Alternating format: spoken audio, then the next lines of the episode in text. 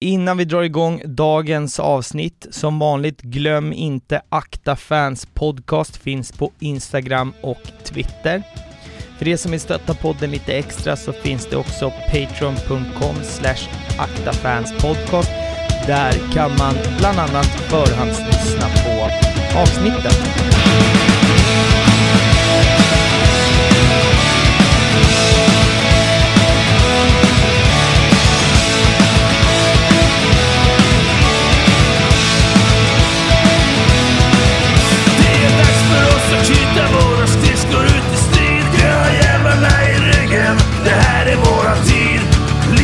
Släpper pucken, vi slåss för våra liv Lever i vårt hjärta och det här är våran tid Björklöven! Kom igen! Älskar Björklöven, Björklöven! I sportens värld är ekonomi otroligt viktigt för att få snurr på en klubb. I dagens fall ska vi prata om en klubb där ekonomi många gånger fått större rubriker än själva klubben. När man pratar om Björklöven så kan man prata om innan och efter konkursen som sker 2010. Det blev en liten annan klubb. I dagens avsnitt pratar vi om vad som egentligen hände. Vi pratar om ett återtåg som stoppades av corona och kantades av en matchfixningsskandal. Vi pratar om stormakten som blev till något annat. Vi pratar om hockeyn i norra Sverige, knivslagsmål och flera årtionden av supporterskap till Löven. Med det sagt, välkommen till Äkta Fans Podcast, Marcus Andersson. Tack. Hur är eh, läget med dig? Men eh, det är en härlig tid på året tycker jag. Hösten eh, gillar jag. Inte minst för att eh, det är, hockeysäsongen är på väg att dra igång sakta men säkert. Och eh, ja, det blir lugnare helt enkelt. Har, har hockeyn dragit igång? Alltså är det träningsmatcher eller vad, vad är status där? Då? Ja, precis. Det är väl i slutskedet här. När det här spelas in så är det väl en träningsmatch klar, kvar för Björklöven då. Mm. Så att eh, matchen, eh, eller säsongen, drar väl igång eh, nästa fredag om en och en halv vecka ungefär. Då. Jag tänker fortfarande... bli riktigt härligt. Ja, jag förstår det. Jag tänker fortfarande, jag inser inte hur sent det är på året. Jag är fortfarande till så här, känns som jag nyss kom från semester och är fortfarande inne i lite så här sensommarmode fast det är kallt och regnigt ute. Men det, jag inser det när jag ställer frågan att det är ganska sent på året nu. Ehm, det jag ska säga, vi ska ju prata om, om Björklöven och din resa och, och högt och lågt sådär, men det intressanta för mig med, med Björklöven inför, jag har jagat e, ett bra tag och försöka få tag på, på rätt gubbe att prata med och prata om Björklöven, men otrolig eh, ödmjukhet eh, bland era supportrar där typ alla har tipsat om varandra och ingen har velat ta, ta taktpinnen. Är det jävligt ödmjukt i Björklöven? Ja, jag vet inte. Kanske, man kanske är rädd att eh, säga sanningen hur det ligger till eh, genom åren. Kanske det. Nej, men eh, jag vet inte. Kanske folk är inte så vana av att prata eh, med, med andra Nej. i, i media så att säga. kan ju vara det då, men ja, jag, jag vet inte, faktiskt inte. En del, jag ska inte säga att vi är mer ödmjuka än andra, men däremot så har vi ju lärt oss eh, att bli lite mer ödmjuka inför själva sporten genom åren, som vi Mm. kanske återkommer till. Får vi se efter när avslutet är över om, eh, om eh, det är ödmjukt i, i Umeå eller inte så att säga. Men det, det som vi först ska ta, jag vill ju bli lite intresserad av liksom din, din supporterresa och vart allt startar egentligen. Så att om, om vi bara tar det så här från första början, hur hittar du Björklöven och när, när tar det fart så att säga? Då får vi nog backa bandet till eh, strax efter eh, SM-guldet då, 1987 som är vårt hittills enda. Mm. Eh, jag gick lite sporadiskt på hockey då eh, med pappa och eh, inte slaviskt följde utan det gjorde han. Men, men han var väl klok nog att inte ta med mig så mycket. För att han visste att han, man kunde fastna så här som jag har gjort nu. Eh, utan det började väl mer kanske med eh, gå varje match där i början av 90-talet. Ja. Eh, 90-91 och det var med en dåvarande klasskompis då, som spelade hockey. Han gick in gratis och eh, frågade mig om jag ville hänga med. Ja. Och så på, på den resan är det, jag tror det var då första säsongen Alexander Bialski var vår, vår stora stjärna, eh, var eh, med i laget samt att eh, vi mötte Östersund i kycklinggula dräkter eh, i division 1 norra då. Mm. Då hade de en eh, spelare vid namn Fettersson tror jag det var, eller Krutov, jag minns inte. Mm. Någon av de här eh, femman i Ja, ja, ja. sovjetiska ligan. Just det. Och så Och jävla nedsupna och hamnade ju i lite olika klubbar runt om i Jo. Europa. Drack väl en, en, en 70 som dan typ och spelade hockey på det och var bäst i världen typ. Ja, du vet inte hur rätt du har där, för att eh, det gick ju ryktet där och det verkar vara sant att han hade inskrivet i kontraktet i- på ett lokalt bageri i Östersund om att kunna hämta ut en smörgåstårta efter varje match. Att, han såg ut eh, därefter också när han åkte skridskor, men han kunde verkligen lira. Det var det jag kom ihåg, att eh, han och Sasha, som eh, Beljavski kallas, eh, stod Mm. ut kraftigt. Ja, men så är det. Vi kommer ju komma in på lite, det finns ju mycket, det finns ju stora klubbar i norr, sen finns det de här eh, lite mindre klubbarna som, som liksom eh, flyger, flyger lite mer under radarn i alla fall här nere i min Mm. del utav landet, men, men vi, vi kommer studsa in eh, lite där, men jag vill att vi, vi, vi ska ta ett litet eh, grepp här om, om, om klubben Björklöven.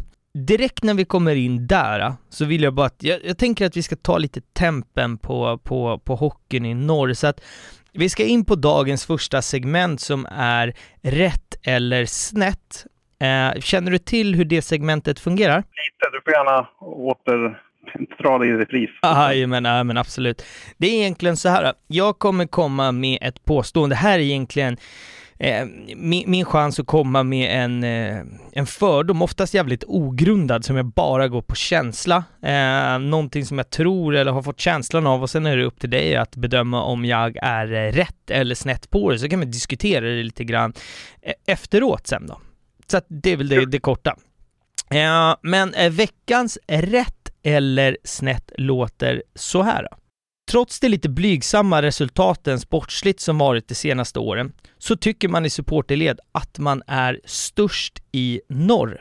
Rätt eller snett? Det kan nog vara rätt. Du tänker mer generellt, inte bara Hockeyallsvenskan utan... Jag, jag tänker ändå- hockeyn i, i, i, i norr brett liksom. Man tycker att Björklöven är största klubben eller vad man ska säga, man är, man är störst. Ja, det var svårt.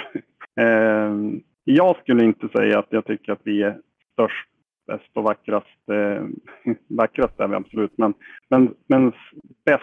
Eh, Alltså om Ja, man tänker lite man- su- supporterleden eller i, i pondus, alltså det, det är väl ja, mer men då är, dit. det, Ja, då är det inget snack. Då är vi det. ja, men det är väl lite dit jag ville komma. Alltså så här, det finns ju Skellefteå, det finns Luleå som, som liksom har eh, levererat sportsliga resultat i, i mängder. Men min känsla när man hör om Löven, när man liksom ja men vad man läser och, och, och ser och hör så är känslan att man är, att man själva och självbilden man har supportermässigt och som klubb är att så här, vi är störst i norr. Det var det mer jag grundade. Kanske inte man, det är svårt att säga att man är bäst på hockey i norr liksom. Ja, nej, det var det jag som övertänkte frågan. Men då, då ska jag bara kort och gott säga rätt. Det finns mycket hockey i norr. Vad grundar sig det i? För att då har jag ju rätt i min känsla, men jag vill också veta lite vart kommer den ifrån liksom? Jag tror det handlar om, eh, framförallt så kan man ju kika på publikunderlaget eh, Mm. som vi har. Vi har ett eh, jättebra snitt, men det säger ju inte hela biten om vilka som är bäst i. Eh, Man kan ju vara 10 000 och ändå inte få en bra stämning. Väldigt sant. Men eh, jag tror också det handlar om att vad, vi har alltid haft en stark supporterkultur eh, Mm. sedan jag har varit med. Vi har ju haft våra dalar i division 1 eh, men samtidigt alltid haft en kärna där. Det tror jag inte alla klubbar skulle ha haft. Och efter att vi har kommit ur den där, eh, som vi kommer till senare kanske, eh, 2010 och division 1 och Mm. Mm. knyta näven och så vidare. Eh, Då startade vi på en högre nivå när vi kom tillbaka och vi hade som ingenting att förlora. Och- Och det byggde som på att det var vi mot världen. Och det är det Mm. fortfarande. Mm. Eh, vilket gjorde att eh, jag såg en väldigt stor förändring. Eh, vi var lite, jag ska inte säga mätta innan 2010, det var vi inte. Klubben i sig kanske var det på grund av andra anledningar, men supportermässigt så var vi inte det. Men jag tycker ändå att vi tog som ett eh, eh, gemensamt, man ska säga, vi slöt oss ännu mer eh, samman och blev en eh, Mm. i Umeå med omnejd, då, eller Löven-supportrar, vi har, finns i hela landet. Mm. Och ehm, ja, jag, jag, jag tror att det handlar just om vår historia där som gör att vi, vi känner. Sen så ser man ju, man, man måste ju också komma ihåg att nu med sociala medier och så här, man ser ju andra supportrar som faktiskt kan ta av sig sina egna glasögon, lagsglasögon för att kunna säga det, oj vilken sjuk stämning det var. Och eh, inte minst då när spelarenkäter görs om vilket lag som har bäst stämning så har det ju faktiskt varit här två år i rad, Björklöven. Nej men vad, vad roligt att jag är rätt på det, för det är jag inte alla gånger ska gudarna veta, men det, det har verkligen varit min, min starka känsla och att det finns en otrolig stolthet i i att vara Björklöven och, och, och, och liksom den, det supporterskapet och, och, att det finns en aktiv supporterkultur, det, det, det vet jag sen gammalt så att säga. Jag menar, AIK Björklöven var, har, har jag sett många gånger på, på Hovet och sådär. Och det är fan även fast det är långt till Stockholm så det har alltid varit folk där så att säga. Men jag tänker lite också, vi har ju haft en liten, som vanligt för att få ihop de här avsnitten, så har vi haft en liten Twitterkontakt innan och eh, du, du, har benämnt dig själv lite typ som en motgångssupporter. Eh, och det, det grundar väl sig i eh, ja, men, sportslig kräftgång och så vidare, men, men utveckla de, den, ja, den termen kort sagt. Den är ju motsägelsefull kan man ju lugnt säga, mm. eftersom det är supporter också. Eh, nej men det handlar väl lite grann om att eh, jag får den frågan ibland också, för det finns ju fler som kallar sig det. Eh, det är ingenting jag har som signatur, men alltså, för att definiera det så handlar det mer om att eh, jag känner mig mer hemma eh, sista... Jag känner mig mer hemma när det går lite snett uppför för, för mm. Löven eh, under säsongen. Och det grundar sig i att eh, under 20 år nästan så har det ju mer eller mindre bara gått emot. Nu låter det som att jag har någon offerkofta på, men det är inte det utan det är mer att det har gått. Det, vi har inte fått utdelning riktigt på, på 20 år, eh, en riktig framgång. Eh, två gånger har vi fått under de här åren någon form av framgång där det varit nära och så, men vi har ju som aldrig riktigt fått det här förlösande. Nej. Det, det kan jag säga att det är fler klubbar. Vi är inte ensamma och inte har fått framgång så. Men det som jag tycker, där vi sticker ut, det är ju det att det är så otroligt många händelser utanför hockeyn. Alltså inte att det börjar gå mm. dåligt i hockeyn, utan tusentals olika saker som händer varje säsong som är bizarra mer eller ja, mindre. Ja, minst sagt. Eh, jag ska säga det också att Eh, jag kommer lägga ut, du har en superintressant eh, tweet som du har delat med mig där du har ja men skrivit årtal och vad som händer under de åren. Och det är fan, det, det jag vet inte hur jag ska uttrycka men det har varit typ lätt att vara motgångssupporter för det har hänt så jävla mycket skit under, under många år och vi kommer ju baka i, alltså gå igenom fler utav de händelserna eh, under avsnittets gång men det har fan hänt mycket skit runt, eh, runt eran klubb och det är mycket som inte har handlat om liksom vad eh, spelarna gör på, på isen kort sagt. Men, och, och jag skulle ja. bara säga det att under här när, när det började gå bra, eller när det gick väldigt bra och vi, det vart avbrutet, så det låter kanske lite prätt att säga det, men det är verkligen inte meningen. Men att det kändes lite så här, vad, hur hanterar man det här? Vi, vi pratar med många eh, som, ja, polare som man går på hockey med hur ska man hantera den här framgången? Alltså, jag vet inte hur man gör. Och det låter som att oj, nu sitter man och tjantar på, men det är en väldigt ovan situation. Mm. Och jag kommer ihåg, jag blev intervjuad i Express just innan slutspelet mot Modo. Mm. Och då sa jag till, vad heter han, Nyström där, att ja, det känns ju som att det, det här känns för bra, någonting kommer ju hända, det blir väl någon, jag sa naturkatastrof eller någonting. Och vad var det, en vecka senare så Pandemi va? slutade säsongen. Ja, ja. Så. ja för fan. Ja, vi kommer ju hamna där också sådär. Men jag tänker att vi, vi ska ju börja lite med eh, två saker också som, som jag vill att vi tar. Dels eh, namnet som är eh, lite udda.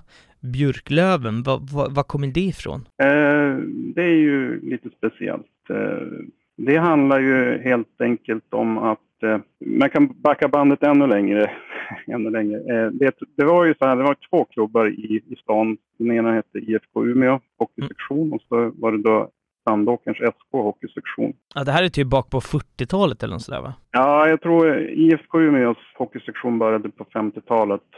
Men där i slutet av 60-talet så började man ju se att kommer inte ihåg vilken av klubbarna som hade ekonomiska bekymmer, så såg man att ja, men ska vi inte slå ihop de här? För det var ett som var satsande och ett som var, fanns mer eller mindre.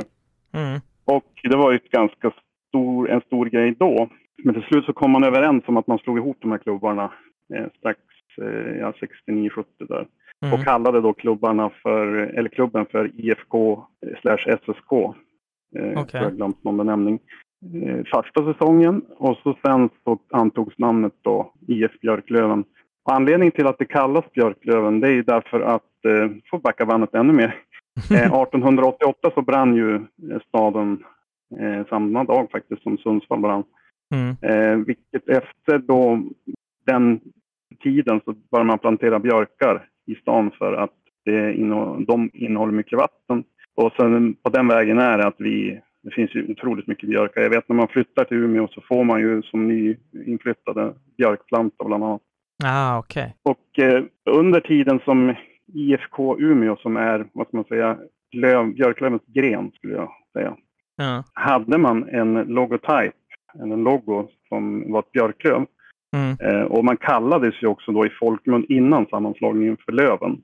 Mm. Eh, och det var ju även IFK Umeås plats som man tog över i seriesystemet. Så att, eh, många säger att vår, vår klubb är ganska ung från 1970 och det håller jag med om själva namnet och så. Men jag, jag är i alla fall en av dem som ser att hela den här IFK-eran är ju också Björklöven, en Mm. del av Björklöven. Mm. För det var ju den som min pappa och flera av han gick och såg på som senare blev då Björklöven. Ni har ju en, eh, en, en logga som är eh, liksom klassisk och sådär, men eh, egentligen i, i liksom informationen jag har, har, har tagit in så och, och känslan jag också har här är att just klubbmärket, den är viktig för, för liksom alla klubbar, men det känns som att den är extra viktig i, hos er.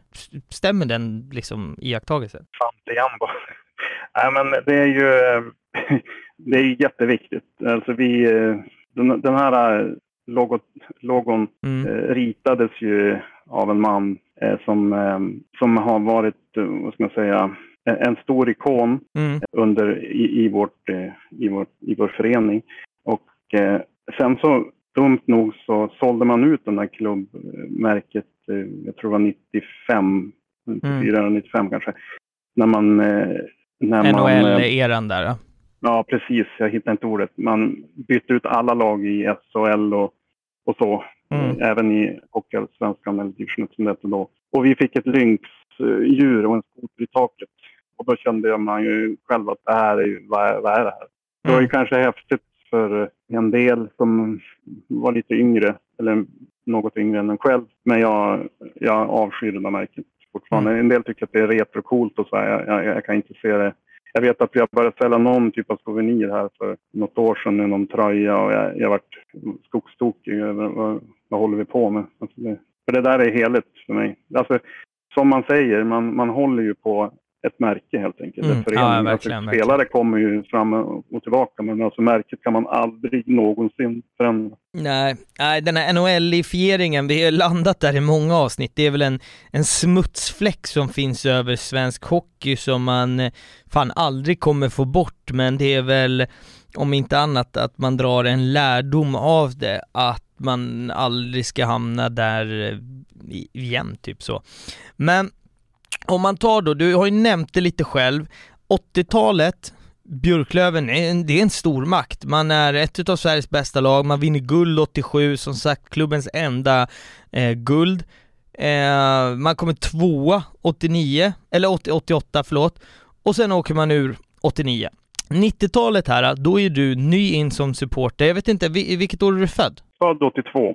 82. Så- Så du är ju 10-årsåldern här när du börjar gå på, på hockey och eh, 90-talet är ju, man skulle kunna beskriva det som svajigt. Så vad jag har räknat till så går ni upp tre gånger och ni åker ur tre gånger. Alltså från då Jajamän. allsvenskan till elitserien. Man är bäst det ena året till att vara sämst nästa år och sen upprepade man det här tre gånger på 90-talet. Eh, Hur var den och, och, och komma in som ganska ung supporter och ena året så man, känns det som man är bäst i världen och vinner var- varje match och sen nästa år då torskar man allt och är slag på sig. Hur, hur var den liksom så, så ung i ditt supporterskap? Den var ju, vad ska man säga, första gången vi gick upp på 90-talet, det var ju första gången efter vi hade åkt ur där 88. Ja. Och jag ska också säga det att det var ju, lite mindre bra affärer, spelarkontrakt som gjorde att halva laget försvann och man tog sig ända till final. Men sen det året efteråt när man åkte ut, då hade man ju inte en sportkeps. Man, man gjorde bort sig helt enkelt i,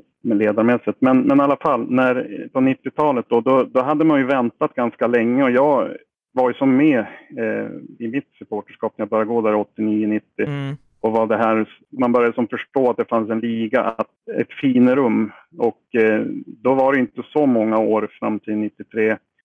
Men en, när man är sådär liten så kändes det ju jättelänge. Mm. Att man hade följt dem otroligt länge. Och det var ju, jag kommer ihåg första gången mot Troja. Det var, jag, jag tror inte jag riktigt förstod vad som hände. Även fast jag var till 11 eller 12. Så ja, det var jag tror att hade, jag, jag, var ju fast, men det där gjorde ju att jag blev ännu mer kär mm. i, i laget så att säga. Och sen som du säger så vi var ju ett jojo-lag på 90-talet eh, med tre uppgångar om man räknar till eh, 99-00 då. Mm. Eh, och där, de kantades också av dålig ekonomi, alltså osluga affärer. Som du var inne på här att det handlar ju mycket om, nu handlar det ju nästan bara om pengar tyvärr. Mm, mm. Eh, men då var det ju också som att jag tror faktiskt inte vi och kanske andra klubbar förstod att vad som höll på att hända där med att man måste ha koll på ekonomin också. Man kan in, vi kan inte leva i 86 här och tro att eh, spelare ska spela på halvtidslöner och eh, allt ska gå bra och vi kan värva lite hipp som happ. Utan jag tror inte vi hängde med riktigt. Jag tror att det handlade om styret som var då. Eh, ganska övertygad om att de inte var rätt. Alla som, ska säga, många var rätt personer, men de, en del som kanske var ytterst ansvariga inte var rätt. Mm. Och det, precis som du säger här, det, det minner ut i det här, det, det är ett svajigt årtionde. Och eh, 99 så kommer de första konkurshoten, alltså de, de eh, rejäla, man har dålig ekonomi länge och mycket, men första gången det verkligen är konkurshot är eh, 99 och det här är ju en soppa som, som kommer fortsätta och, och nå kulmen 2010 som sagt. Och det, det, är lite tråkigt, vi ska prata om supporterskap och sen sitter vi här och diskuterar ekonomi men det blir ju faktiskt jävligt viktigt i det här avsnittet för att det har varit en, en, en så stor del och någonting som man har fått leva med liksom som, som eh, supporter där. Men så går det att bara liksom sätta fingret på, för om man tänker 99, då har du hunnit blivit 17 år, då, då liksom förstår man väl när man är 12 är det svårt att förstå liksom basic företagsekonomi, men när man är 17, då kan man ändå koppla att fan, nu brinner det i knutarna här. Hur var, liksom, om, vi, om vi startar där 99, hur var den känslan att leva i att man har ett konkurshot över sig så att säga? Ja, det var inte kul. Alltså, jag kommer ihåg eh, dagen när det var inlämnat och Alltså, något år innan, jag tror det var 97, så var Skellefteå i samma situation. Eh, och de hade i princip lämnat in allting på pappret och man tänkte mm. det där får ju aldrig hända oss. Och två år senare så var vi där. Mm. Alltså, vi hade insamlingar på stan och det var bössor och det var ja, förhandlingar. Och man, jag tror inte jag jobbade så mycket i skolan då, kan jag säga, de där dagarna. Jag och en klasskompis som jag gick med då, vi gick mest och ja, försökte få kommunikation och vad som hände. Då fanns väl inte riktigt mobiler på samma, i samma utsträckning om, vad, om hur det gick. Och då började man ju förstå sen för att eh, det, det kanske inte då, jag, som du säger, man förstod ju vad det handlade om och att vi hade handlat utöver våra tillgångar så att säga, mm. över en lång tid. Men vad som uppdagades sen, det hade jag aldrig i mitt liv kunnat tänka mig att, att det där skulle vara, att, det, att, vi hade, att de som styrde kunde styra så otroligt fel. Mm. Och, men så, som du är inne på här så eh, jag är ju långvarig supporter och, och, och, jag gillar supporterskap men en stor del av supporterskapen som jag, jag, jag stör mig inte av det utan det är som en del av historien är ju just våra sidospårsproblem som gör att mm, mm. sporten inte fungerar helt enkelt. Och det, det, det är tyvärr den bittra sanningen att det där är en del av vår historia. Ja, men lite så här att fokus har hamnat på på fel ställe helt enkelt. Man har behövt, ja. alltså som, som supporter så vill man ju någonstans sitta med sina, liksom, eh, sina polare och diskutera senaste matchen och matchtrupp och kanske nyförvärv och nästa säsong Exakt. och allt sånt här. Man vill ju inte sitta och diskutera liksom, går vi i konkurs eller inte? Alltså det, det tar ju fokus mm. från det som är de facto det, det roliga och det som man brinner för. Så det måste ju vara Eh, svintufft kort sagt när det har varit, alltså dels när vi är här i historien liksom eh, så är det ju fortfarande bara ett hot men det kommer ju bli verklighet och dit kommer vi komma senare i, i avsnittet som sagt då. Men eh, vi, vi har ju 2001 har du nämnt här. Det blir ju, nu låter det som att det är jättedeppigt, vi ska ju prata om mycket roliga grejer också, men 2001 här dyker, vad du själv säger, ditt sämsta minne upp tillsammans med eh, Löven. Påskafton 2001, berätta om den dagen. Ja, det var en fantastiskt fin dag. Det, jag var i stugan då för att jag hade varit sjuk och kunde inte följa med ner till Leksand. Det var sista omgången i kvalserien 2001. Eh, scenariot var så att Löven var väl inte uträknade, men den sista platsen, så här, Södertälje var klara för att gå upp. Det var den här klassiska kvalserien som fanns mm. då som jag fortfarande håller högt. Och eh, scenariot var så att Löven var tvungen att vinna borta mot Leksand, vilket då var ganska svårt eh, i sista omgången. Vi hade svårt att vinna borta överlag under 15 år känns det som. Eh, och eh, vi, vi lyckas mirakulöst vinna där och då är det ju Sportradion samtidigt eh, på båda matcherna de hoppar mellan. Och jag, jag eh, får höra att ja, men innan matchen Södertälje-Linköping så har Södertälje aldrig släppt in mer än två mål på hemmaplan, tror jag det var. Mm. Så då tänkte man, ja, det är bra. För de var tvungna att vinna över Linköping då, samtidigt som vi vann borta mot Leksand. Vi mm. vinner vår match. Den Södertälje och Linköping är inte eh, klar då, så de eh, kör ju in den matchen på radion. Jag sitter själv i ett rum och tittar ut. Det är inte ett moln. Det är en sån här riktig, om man säger, googla påsk-Sverige. Mm. Mm. Eh, underbart. Jag kände att det här, det, här, det här kommer att gå. Eller alltså, det, tankarna bara flyger. Men vi måste hålla oss kvar nu, för nu har vi gått upp och ner som vi har pratat om här, som en jojo. Mm. Vi måste klara oss kvar, för scenariot var ju det att vi hade varit i elitserien mm. och eh, vi hade åkt ut i kvalserien. Men vi hade aldrig varit kvar eh, två säsonger. Mm. Sen så avbryts den där sändningen och säger ja nu har vi, vi ska till Scania-rinken. Eh, det är ett jag tror det är mål för Södertälje. Nej, det är det inte. Så det var väl tio sekunder kvar eller något sånt där. Så fantastiskt bombardemang. Alltså jag har aldrig mått så dåligt. Jag, jag, jag tror jag sportsmässigt. Det var, det var fruktansvärt. Alltså det, det, det jag vet inte vad jag ska säga. Det, den, den sitter djupt. Alltså för att eh, sen den dagen så har vi ju faktiskt aldrig tagit oss tillbaka. Och från början så tänkte man att vi ska ta Linköpings plats. De har haft vår plats. Och så har jag lite tänkt för mig själv också nu under de här åren. Med mm. Att eh, det känns som att det är vi som ska ha den där platsen. Eh, och nu var det faktiskt lite nära när de var på väg att åka ut i, var det i fjol va? Mm. Och vi var på väg upp. Jag hade ju tänkt att cirkeln skulle slutas där men så blev det inte.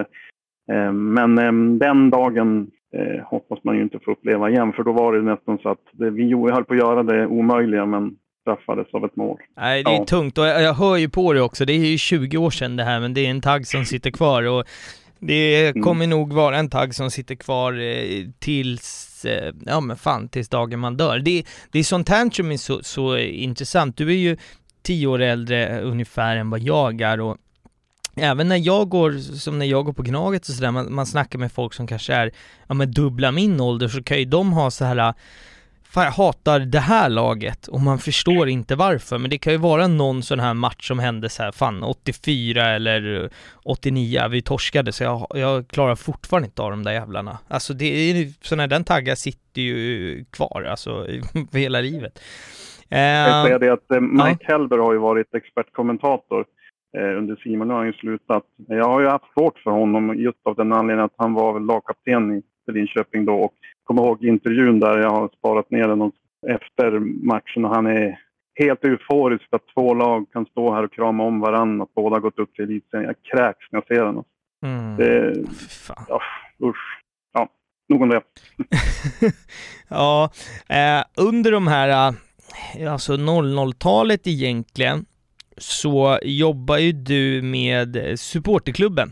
Du är mm. med mm. i den styrelsen mellan 01 till eh, 2010. Jag tänker att du ska få berätta lite om, först och främst, eh, varför du valde att engagera dig. Då är du ju Ja, vad sa vi, 82, då är du 19 bast när du kliver med.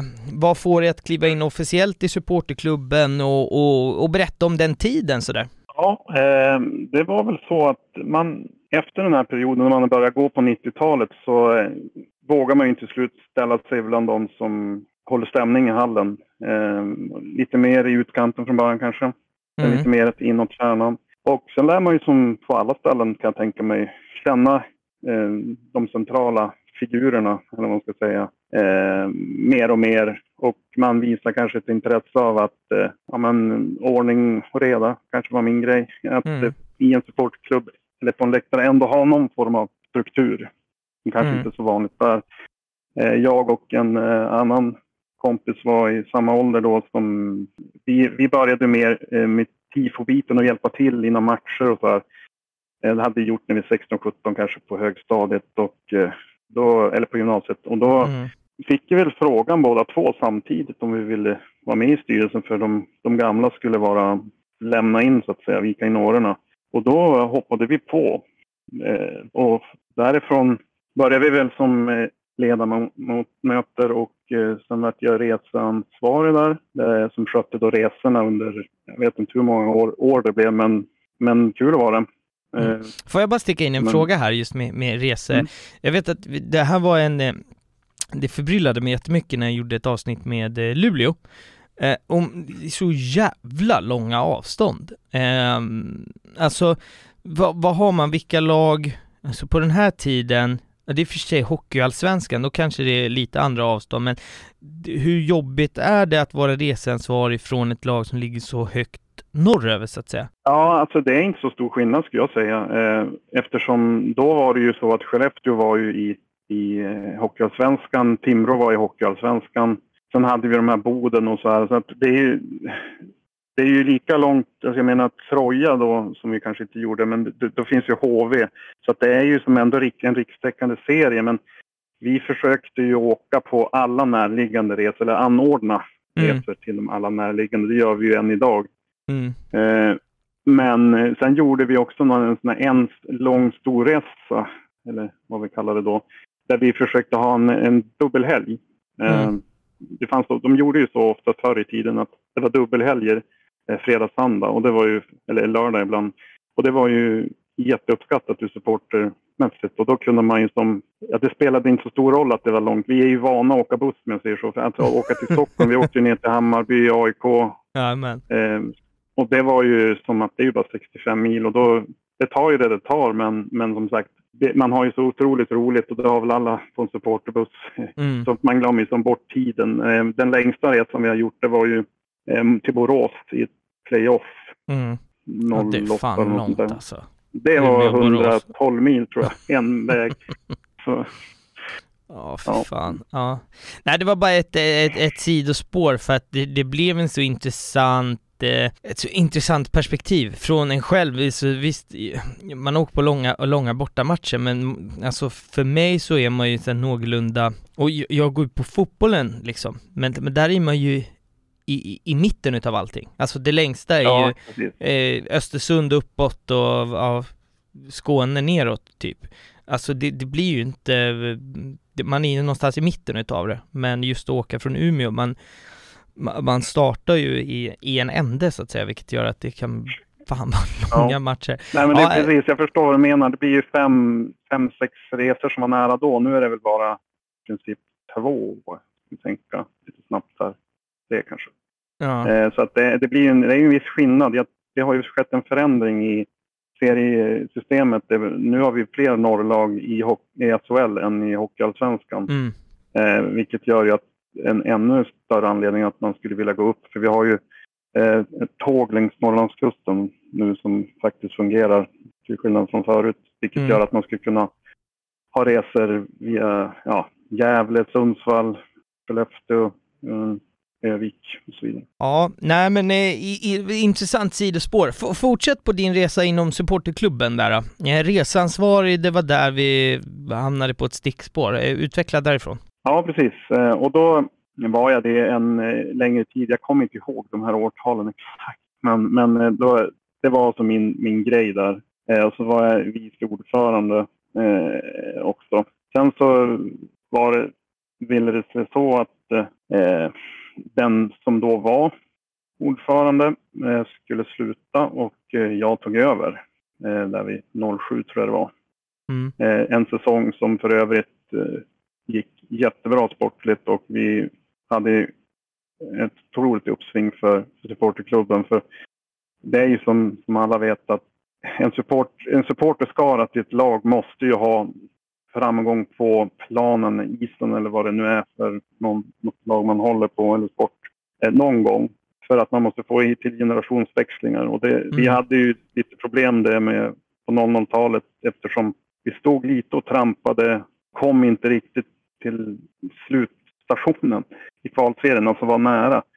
Så att, eh, det var skönt att få ett uppsving där, för då ökar ju medlemmarna och då kommer det in nya och då, det är ju så man bygger upp Mm. alla eh, supportklubb. Eh, och fram till 2010 så var jag då med där. Jag hade bestämt mig innan att jag skulle sluta eftersom vi hade fått vår första och väntat vårt andra barn. Så jag kände att eh, ja, nej, men det är dags för andra att ta vid. Eh, men då råkade det bli eh, lite ekonomiska problem där så att jag var kvar ett tag till. Eh, Mm. eh, inte officiellt då, men Nej men det blir ju så, vi kommer ju landa i 2010 men det blir ju en, en viktig, alltså 2010 är ett jätteviktigt år för er. Alltså, Mm. eller det blir ju det för, för historien så att säga, men det, det är väl viktigt att lägga till det i att eh, det inte är därför du kliver av supporterklubben så att säga på grund av Eh, den eh, degraderingen utan eh, det är ju eh, bestämt innan så det är väl viktigt i, i kontexten sådär men du nämnde ju, du var inne på eh, 2007 och i den här tweeten som jag återigen, jag kommer lägga upp den på Akta Fans podcast på Instagram och Twitter så, så ni får se det men där har du skrivit 2007, den huvudlösa satsningen. Vad, vad, vad menas? Det går bra sportsligt men är det, är det här någonstans man lägger grunden till det ekonomiska raset i form av dyra spelkontrakt, eller? Eh, det är ju då kring 2007 och vi hade gått på vatten lite grann. Eh, satsat med att inte värva några spelare i princip, förutom en inför den säsongen och behålla allting eh, från föregående säsong, även om det inte gick tokbra. Mm. Eh, och då tog vi oss till kvalserien där. Eh, missade eh, elitserien, som heter då, med för två poäng. Och så sen eh, så för att satsa oss ur det där, eller jag vet inte riktigt vad som hände, men året efteråt så anställde vi en sportchef som, eh, ja, det är ett eget kapitel, eh, som inte riktigt var så duktig om man ska vara snäll. Eh, sen så känns det som att det, det, året efteråt går eh, inte så bra utan vi tror att vi är kungar då. Eh, Även de som styr, men vi supportrar ska väl alltid tro det. Men, men, men som sagt, och då fixar vi ett eh, slagkraftigt lag. Vi hamnar femma, sexa där. Eller femma kanske rent av. Jag kommer inte ihåg exakt, men det är oviktigt. Vi får i alla fall välja först i playoff och väljer Borås som tänker det är en nykomling vi, slaktar dem. Vi åker ut mot dem, rättare sagt. Mm, okej. Och då, eh, då blir det ju den här stora, oj, oj, oj, vad ska vi göra? Vi var ju just ett topplag, nu måste vi sparka huvuden här och nu ska vi, nu ska vi förändra allt över en säsong. Vilket i princip gjordes till laget därefter och då eh, köpte vi ju in spelare som här i efterhand var ju helt bisarra löner och framförallt till de som ledare och eh, även ja, ledare, både tränare och VD, eh, hade ju hutlösa eh, säga, ersättningar. Mm. Eh, Det visste vi inte då. Eh, Man trodde ju att allting var under kontroll för vi satsade ju ganska hårt för att ta oss tillbaka till den 2007 när vi var nära. Och då Mm. tänkte man att nu är, nu är vi på G här. Eh, Det var ju det som var snacket så att säga. Nu, nu är det bara sista steget som ska tas. Vi kommer att klara det här.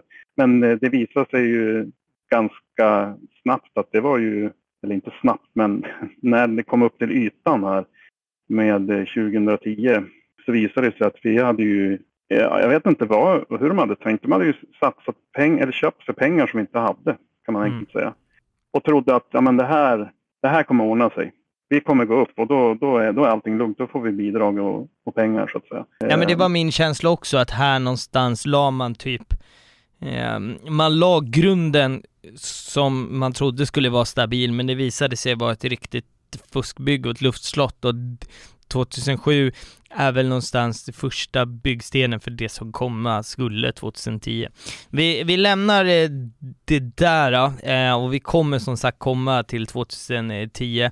Men jag tänker att vi ska in här på poddens andra segment när vi är lite på eh, 2007 faktiskt. Ehm, och ja, vi ska in på Away Days kort och gott. Där har du 2007 sagt själv att det är den bästa bortaresan. Eh, och jag antar att det här är en sån här eh, fredag, söndag eh, lösning. Södertälje, Leksand 2017 har du skrivit. Eller 2007, förlåt. Eh, berätta om den resan. Ja, eh, den var ju fantastisk. Den ligger mig varmt om hjärtat. Det var eh, den här som jag talade tidigare om, en, en eh, dubbel matchhelg mm, då, mm, mm. som det var förr i tiden. Eh, vi kom iväg med en fylld buss, tror jag det var. Eller om det var två, jag minns inte. Men det var kul i alla fall. Eh, vi, det, det, var nämligen så här att eh, den säsongen 06-07 eh, gick ju som bekant, som jag sa, eh, Björklöven väldigt bra. Och vi hade som ett jäkla go i laget. Det var, vi hade fyra spelare som var med i JVM, eh, som senare nu är tillbaka i laget en del. Eh, och riktigt uppsving. Vi hade ju blandat med någon utifrån. Jag tror vi hade två jänkare och resten svenskar och så var det mycket hemvävt och de fick ihop, så hade vi Joakim Fagervall också som vi har haft några omgångar som tränare som eh, fick ihop det där riktigt bra. Och det här var, om jag inte minns helt fel, i slutet av hösten, just innan snön skulle falla, mm. som vi var, eh, drog ihop den här resan och eh, jag tror alla förstår vad jag pratar om när jag säger att alla sorters människor, från de som har varit med från kanske 70-talet och varit supportrar och även de nya och så sen en mix där av oss andra. Eh, det var en underbar mix på så sätt att eh, det var som hela spannet supporterskap där. Mm, och det var mm. den, jag tycker att den helgen kändes som en vecka eftersom det hände så mycket knappa grejer. Och eh, sen visade det som så att vi, vi hade ju lite kontakter innan med eh, Leksand eh, supporterklubb Superstars. Eh, bland annat eh, Emil mm. Nilsén, som de flesta känner igen. Ja, han har ju eh, gästat här, för er som inte vet det, det är han som är rösten bakom eh, Leksandsavsnittet som vi gjorde här i podden. Fantastisk eh, gubbe faktiskt. Eh, riktigt ja, fantastiskt. Vi, vi har for, efter vi har gjort eh, det poddavsnittet så, så har vi fortsatt eh, lite kontakt. Med honom på Twitter för två dagar sedan senast tror jag. Ja, nej men han är, han är en mysig kille. Eh, kramgod. Nej men eh, då var det så att då mötte vi upp honom där. Eller jag mötte upp honom och några fler och vi vart inbjudna till deras, eh, de hade ju fått en egen, eh, vad ska man säga, pub är väl att kalla det, väl att ljuga. Det var väl ett, mer en idrottshall med ölkranar och scen. Mm. Säga, eh, bakom deras bortastå. Själv har vi väl aldrig haft något liknande. Men i alla fall så vart vi inbjudna där och de sa att eh, det är väldigt ovanligt att vi bjuder in någon annan supporterklubb. Det var väl vi och Luleå som tror jag hade fått vara där. Mm. Och den kvällen, ja, den slutade som den gjorde. Eh, och det var ju, eller vi var ju där både fredag och lördag och så åkte vi då på söndag morgon till Södertälje. Mm. Eh, men det var ju, vi gjorde läxan tillsammans kan man säga. Och den, den resan kommer jag inte glömma för det var, det var jag tror vi förstod varandra ganska bra, eh, våra supporterklubbar. Och eh, sen dess och även innan så har vi väl haft ett ganska gott öga, i alla fall jag, till dem. Sen själva laget behöver man inte bry sig om, men just jag, jag gillar hur, hur, de, hur de har det uppbyggt, så att säga. Mm, och mm. i supportermässigt. Och eh, ja, sen fick vi med oss även poäng. Det var väldigt ovanligt eh, för vår del då. Vi vann i princip aldrig borta, vilket vi gjorde då mm. i Södertälje som pricken över i på slutet då. Mm. Som tog vi resan hem. Så det var, jag tror jag ska inte gå in närmare på vad som skedde i den där Moskogen camping som vi bodde i. Men, men det var det var fantastiskt. Det var en fantastisk resa. Ja, äh, men låter ju fantastiskt. det är lite cliffhanger. Man hade ju velat veta vad som hände i Moskogen eller, eller, eller vad du nämnde, men det får ja, lämnas ja, till fantasin kanske. Ja, det som hände var väl mer att vi umgicks eh, nära och eh, folk villade bort sig riktigt. Jag vet inte, Leksand är inte överdrivet stort, men jag tror Nej. att det intogs en del eh, rusdryck där som gjorde att eh, faktiskt några som inte hittade hem. eh, eh, ja, nej men det var... Jag, jag Kul morgon ändå när det bara ligger lite så här äh, utslagna eh, liksom norrlänningar lite utspridda i Leksand. Det, det har något ändå. Ja, vi har ju det, tror jag. Vi badade alla som var med där i en, en och samma pool. Minns jag. Det finns en bild där som jag tror inte ska nå dagens ljus. Eh, då. men eh, som vi badar i. Och den, ja, nej, men det, jag känner nu, nu väcks minnen. Nu vill man ut och åka lite buss. Ja, verkligen. Det är skönt att eh, nu restriktioner släpps så att man får, eh, för mig som har fotbollen närmast, att man får eh, börja ta sig och fylla läktare. Vi pratade ju tidigare om ditt sämsta minne, Mm. vilket är ju såklart tufft att prata om, men då är det ju på sin plats att vi också ska nämna ditt bästa minne, eh, åtminstone i närtid. Västerås 2017. Kontraktet säkrat med 36 sekunder kvar. Berätta om Västerås 2017. Ja, det var så här att eh, Björklöven hade under ett och ett halvt år haft en tränarduo eh, och ett lag såklart också som inte hade lyckats. Vi tog då in en general manager, Joakim Fagervall, som vi hade haft som tränare från Luleå då. Som sedan mera sparkade de här tränarna och blev tränare själv. Kan låta lite drastiskt, men det var nog räddningen. Mm. Eh, han vände på det där skutan och det var, scenariot var ju så här att eh, den sista grundomgången eh, var mellan Björklöven och Västerås. Eh, och då tänkte man när man såg det, det där kommer inte vara någon betydelselös match i mm, tredje mars. Men då visade det sig som så att eh, Västerås ledde med eh, två poäng och låg ovanför strecket för att slippa nedflyttning till kvalserien då Mm. för att hålla sig kvar. Eh, medan vi hade två poäng bakom och ja, vi var tvungna att vinna. Det var helt enkelt så. Västerås kunde klara sig på kryss. Mm. Det blir 0-1. Det blir 1-1. Vi vänder till 2-1 av en ny finsk back som... Ja, då tänkte man det här är intressant. Det rasar ju. Sen eh, när det är tio- en kvart kvar av... eh, Eller jag minns inte exakt, men det är inte så långt kvar av tredje perioden. Då gör Västerås 2-2. Jag ska säga där också att deras supporterklubb var ju där också. Och Mm. båda, jag, jag, säga, båda sidor var ju livrädda. Alltså, tänk dig själv att det, det, det är ungefär döden. Nu var det Mhm. visserligen kvalserie neråt. Men jag är helt säker på att, eller man var säker då, att det lag som åker ut där, eh, eller det som kommer sist, de, de åker ut. För det, Mm. det var nerven utanpå. Sen så tar vi timeout och eh, man tänker ja, timeout, vi måste göra mål. Västerås är lite vidare. Målet kommer när det är 36 sekunder kvar av en väldigt ifrågasatt kanadensare var han väl. Nej, han var amerikan. Ja, ja.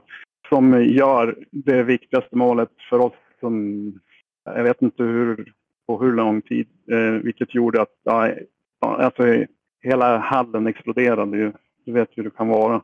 Mm, verkligen. Eh, och i extas, eh, jag tror de Nej, jag, blir som mållös för det var, det var en sån där overklighetskänsla. Man tänkte att det här kommer inte, det här, är, är det sant det här? För det som händer senare det är att det är 36 sekunder kvar. Och alla är ju tokiga, men jag tror spelarna inte riktigt, och de på läktarna fattar som inte, ja men det räcker ju med att Västerås får ett anfall till och gör ett mål till, då är vi kört. Vilket de nu de får. Mm. När det är fem sekunder kvar så är de otroligt nära på att få in ett mål. Mm. Eh, Så att man är ju helt död efteråt. Men otroligt, otroligt lycklig över att slippa att eh, kvala neråt. Mm. För sen, sen var det ju faktiskt så att Västerås åkte ju faktiskt ur det året Mm. i kvalserien. Nej, eh, intressant och även, det, man landar faktiskt där många gånger med många, alltså många supportrar, att bland de starkaste minnena är när man vinner matchen, alltså med så här kniven mot, eh, mot strupen och slipper så att säga, ja men slipper åka ur eller när man känner verkligen så här, nu, nu står klubbens eh, överlevnad på, på spel och det kan många gånger vara, alltså den segern kan vara nästan ännu bättre än när- man når en stor framgång. För det, det är lite olika, mm, ja det är olika glädje på, på, på, på något konstigt sätt sådär. Men vi, vi ska ta en match till, då ska vi ta oss hela vägen bak till 2005. Då jävlar är det invasion av Skellefteå, sex busslaster och vi har någon som har gjort det förbjudna bytet och sådär. Berätta om den matchen. Ja, precis. Eh, lite bakgrund där så vi mötte ju varandra ofta då, eh, Björklund och Skellefteå. Och det var ju ofta eh, fullsatt när, när vi möts. Det är det väl nu också om vi skulle mötas i en serie, seriesammanhang i alla fall.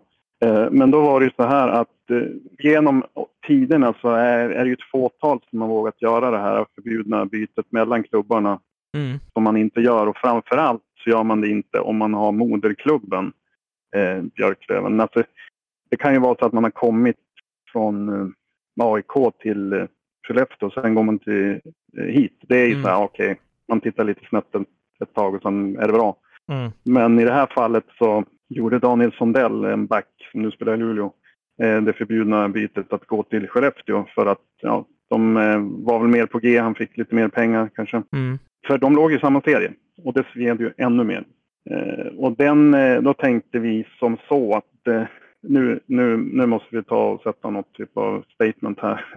Så att vi, då var resansvarig, vi, fick, vi raggade ihop eh, sex busslaster med folk och satte kursen mot ja, 13 mil norröver.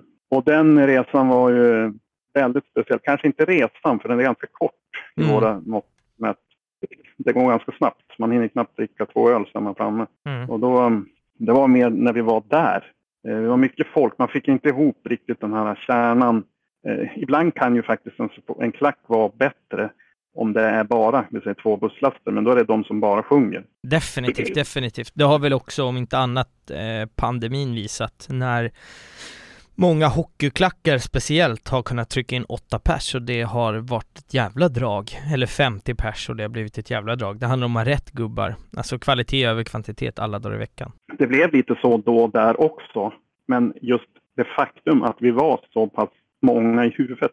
Man såg så mycket halsdukar och att vi var gröna. Det kändes Mm. också som att vi kom och tog över, eh, för det här var en vardag. Eh, och Vi, vi var ju så att säga förfriskade, många Mm. av oss. Mm. Eh, Det kanske inte de var. Så det kändes ju då, även fast vi kanske inte var mest röststarka, att vi tog över deras hall. Och det, tyvärr var det ju förlust, men eh, det kändes ändå som att vi satte ner foten lite där. Och sen dess har vi ju, de gick ju upp det året, om jag minns Mm. rätt. Sen Mm. dess har vi inte åkt dit i något tävlingssammanhang. Det lär det ju inte heller bli om inte ni kliver upp. Det känns inte som att Skellefteå är nära på att ta klivet neråt om inte annat. Jag kan Men alltid hoppas. Ja, det kan man alltid. Nu pratar vi lite om Skellefteå och jag tänker att vi ska gå in på det och prata lite om så här rivaliteter i, i, i norr. Och nu vet inte jag här, jag vill inte trampa på tårna. När, när jag pratar med eh, Luleå så vill inte, alltså norrlänning för dem är ett skällsord, de vill vara eh, nu ska vi se så jag är rätt i landskapen, och Norrbotten va? Ja, du, och jag ber om ursäkt om jag är snett på det här. Min, min geografi över Sverige är Botten. för dålig.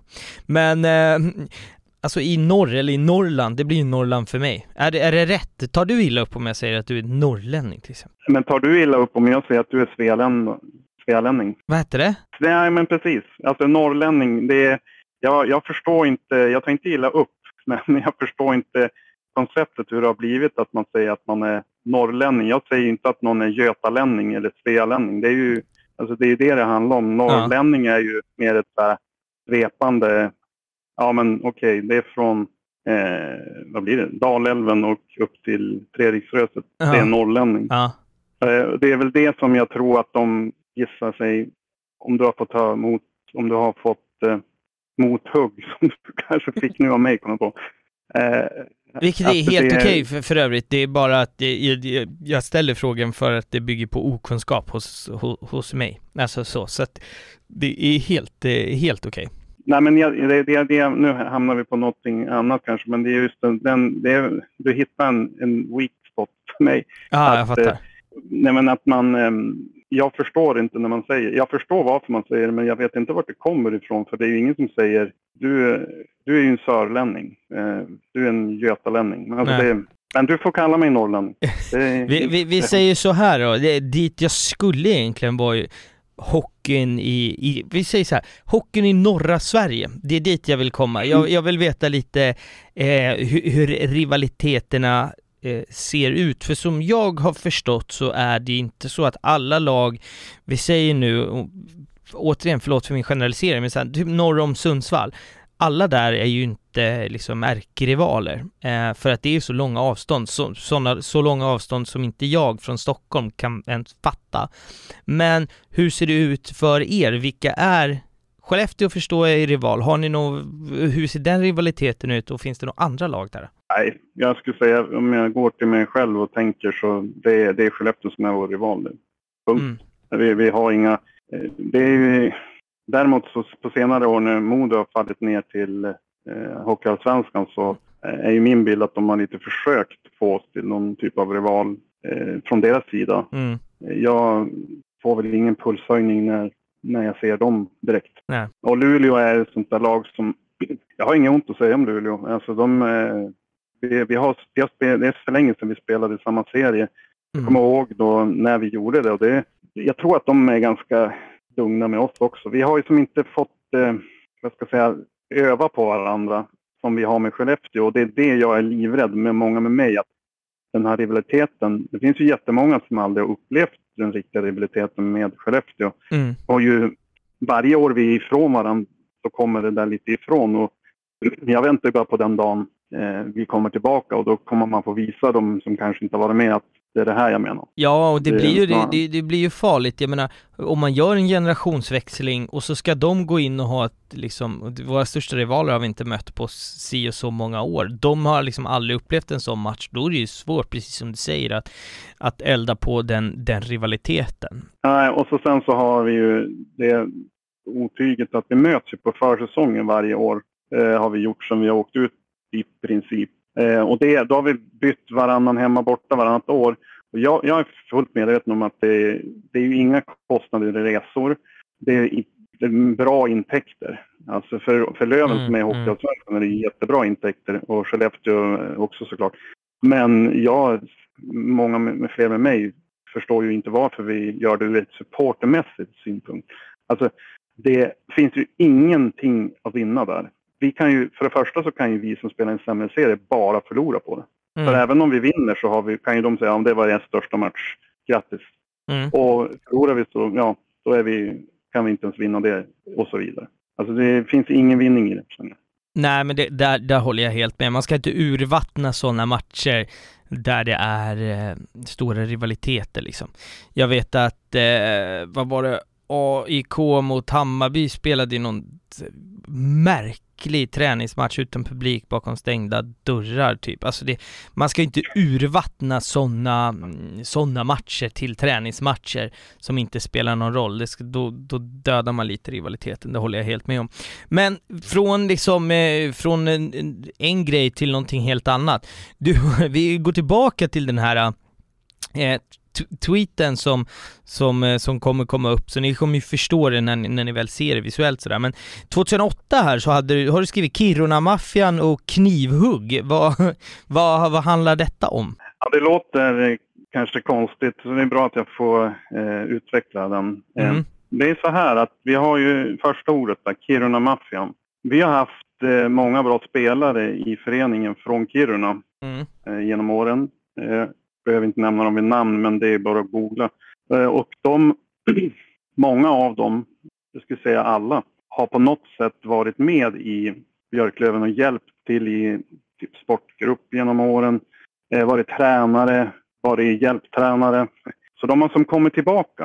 Mm. Och det är ju, som alla vet som har följt idrott ett tag, vet ju att bara för att man är en bra spelare behöver man inte vara en bra tränare eller puckplockare eller ja, ofta är det ju tvärtom. Mm. Eh, så att eh, de här lirarna eh, var med i, de har varit med i två sessioner kan man säga i olika konstellationer. Bland annat då när vi höll på att gå åt pipan där 99. Då var de en så kallad sportgrupp mm. som var, vad ska man säga, en, en sportchef fast de var delat ansvar. Sen så var det så att den här 08, den här huvudlösa satsningen började efter 07, då, då var en av dem tränare. Och han eh, var även sportchef, eller general manager var det. Mm. Så han satte sig själv i båset, om jag inte minns helt fel. Nej, det gör jag nog inte. Eh, och då... Det här, det här ordet har som växt fram på eh, våra supporterforum att ja, men det är Kiruna Maffian som är igång, de är inne i klubben igen. Mm. Eh, och då var det ju någon som hade gjort ett lakan och skrivit bort med Kiruna Maffian eller tillbaks till gruvan och syftade då på Kirunagruvan. Mm. Var på att då slängde en anställd i Löven ut de här personerna eh, ur hallen. och det vart ett jävla liv. Eh, för att, eh, ja för det första så, man kan ju kanske inte, man, han hade ju som ingen befogenhet att slänga ut folk från hallen. Nej. Och så sen för det andra så skyllde han på att ja men maffia är ett olagligt ord. Man kan inte beskylla någon för att vara en maffia. Eh, så vart det en oväxling där och det, ja, det, jag kan säga att den säsongen var som ett haveri. För att efter det där så, ja det gick ju knackigt hela vägen. Och den här tränaren då från Kiruna, han fick ju till slut, jag tror det var 800 personer i sista matchen och sånt där. Det var ju så begravningsstämning. Ja. Och folk hade ju som gett upp och det, det kändes som att ja, det här, det är början på slutet. Men i alla fall, den andra delen då, knivhugg. Det är ju mer som en, jag har ju sammanfattat den här tweeten för att visa hur bisarrt det kan vara. Vi Mm. värvade ju en eh, stjärna för oss, Fredrik Öberg, Mm. från Skellefteå faktiskt. Han har varit där och tog upp dem. Eh, han var väl på ruinens brant, men det förstod kanske inte vi då, eller alla. En del förstod det. Men... Så när vi värvade honom, eh, och allt var guld och gröna skogar, det var en fantastisk värvning. Ja, nu kommer, vår, nu kommer vi ju fixa det här. Vi kommer gå upp typ direkt. Vi skrev ett treårskontrakt som man ofta skriver med spelare som, ja, det är ju de som vill skriva treårskontrakt oftast. För att Mm. de kanske är på väg ut för. Och det var enda chansen. Men då visade det sig att han blev knivskuren under sommaren av sin, jag tror inte det var hans sambo utan det var hans ex eller någonting, där de bodde. Vilket gjorde att han vart ju, det- var ju scener som gick av i handen. Jag tror inte han blev knivskuren, det var någonting med att han hotade med kniv och någonting med att han, ja, jag ska inte säga exakt att det var knivhugg, men det var han, han blev skadad i samband med att någon höll på att vifta med en kniv och jag tror att det var hans gamla sambo eller någonting. Mm. Vilket gjorde att eh, hans senor gick av i handen. Och eh, han var ju som sagt hockeyspelare. Vilket gjorde att han var ju halvt invalid där den där säsongen och Mm. rätt länge också. Han blev aldrig sig själv igen. Och vi hade ju kvar han på kontrakt. eh, Och det var, ja det var inte bra. Nej, jag, var, var, jag bara kände så att vi måste ju liksom adressera det för att jag undrar vad fan det är liksom. det låter mer dramatiskt.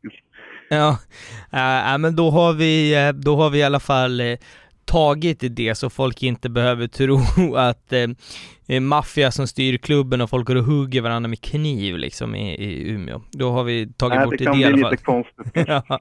Eh, Jag vill bara att vi ska ta en liten, eh, en liten kortis här och, och jag, jag brukar ju fråga, speciellt liksom Alltså fotbollsklackar och sådär har jag, har jag ju bättre koll på än vad jag har på hockeyn, det vet ni som har lyssnat mycket, men jag vill bara veta så här, vad finns på era läktare? Eh, vissa klubbar tar man Rögle till exempel, där jobbar man inte med flaggor och inga trummor och sådär. V- Vart står ni i debatten om liksom eh, tifo, flaggor, trumma och sådär? V- vad finns eh, ja, hos er så att säga? Ja, men, intressant fråga. För att eh, när vi bildades eh, 1982, vi hade ju funnits innan också såklart. Mm. Vi har hela tiden kört på, eh, om man ska säga så här, det, det engelska spåret. Mm. Aldrig trumma. Vi har kört eh, alla som, ja men i princip alla som är dumma borde ha en trumma och det, det har vi kört, det är man ju uppväxt med. Mm. Sen då under 00-talet så influerades, kom den där trumman till, in på H på vis för att hålla, på H är alltså vår hemmaläktare, Mm. för att hålla typ takten. Jag vet inte, det var några sambatoner där. Det var någon ramsa som var lite sambatoner. Det var många som ska säga, lobbade för det där utifrån supportklubben och till slut så blev det något, jag kommer inte exakt ihåg när, men man testade det där och sen vart det som kvar. sen har den använts lite så här, ja men vi kan inte använda den jämt. Eh, Det, det blir konstigt. Mm. Eh, och, och nu har det väl liksom blivit som, det har gått lite, gått lite upp och ner, men nu är det mer en här grej som ofta finns på ståplats. Och det, jag tror att de flesta är ganska okej med det, men, men samtidigt måste man ju komma ihåg att vi har ju, vi har ju ändrat den stilen lite grann. Från Mm. att vara precis som en del har jämfört oss med just Rögle. Att Mm. vara lite mer casual och eh, bara röster. Eh, sen har ju även flaggor eh, kommit in i samma veva. Det, det var någon gång vid 0 0-talet började komma in före kanske trumman. Mm. Så det där har vi också förändrat lite. Nej men intressant, jag ville bara, jag, jag vill göra det när jag pratar liksom, speciellt med hockeylag, för att det, åsikterna går så, så mycket isär. I, I fotbollen så är ju Eh, de flesta eh, överens. Det är väl Djurgården som inte jobbar trumma typ, men de har ju tifon och allt det andra så att säga. Så att bara ett, eh, ett intressant eh, sidospår sådär. Men vi har pratat om det här året, det är ganska mycket vi har nämnt det och nu så landar vi där. 2010. Som jag har förstått det här så är man väldigt nära att gå i konkurs. Man räddar upp så att klubben inte går i konkurs, men man får inte elitlicens. Det är så som jag har förstått det. Jag kan vara helt snett på det här, men berätta varför och hur, hur liksom, vad händer när man går, blir tvångsdegraderad här? Ja, du har helt rätt. Du har gjort din läxa, läst mm -hmm. För att det var precis så det, så det var. Det kom ju fram här efter många års misshandel av klubben, som vi var inne på tidigare, att eh, man har handlat för pengar man inte hade. Och eh, klubben sa sig då av den ordförande som uttalade sig att ja, de hade inget val. De hade 16 miljoner i skulder eller något sånt där. 18 kanske till och med. Och eh, de måste begära sig själva i konkurs. Mm. Eh, när detta inslag eh, visades så var ju många chockade. För att, ja, inte minst sig själv. Men man förstod ju inte, är det så här illa det är? Alltså det, det är konkurs. Man, jag satt ju typ och grät. Att mm. det, där, det finns ju inte där. Eh, men dagen efteråt så började då en man som eh, bedrev en eh, hockeyfestival. Eh, det vill säga en, en, vad ska man säga, en kupp som gjordes på sommaren. Mm. Han, han blev, som initiativtagare där till att försöka rädda Björklöven, som de kallade det. Mm. Och hur han gjorde det, det var som att han började prata med fordringsägare. Eh, kolla, han hade ju han hade ju väldigt stort kontaktnät i stan och började kolla hur man kan skriva av och hur man kan samla in pengar. Och det var där vi kom in som supporterklubb när jag fortfarande var kvar som ordförande eh, och hjälpte till eftersom det hade inte varit ett årsmöte då så jag satt kvar. Då mm. hjälpte vi, ja, vi till med, med att samla in pengar från privatpersoner och han gjorde via företag. Och det slutade ju i, eh, nu är det snabbspolat här, men det slutade ju i att konkur- vi fick ju ihop tillräckligt med pengar. Man ska säga också, vi hade ju begärt oss själva i konkurs.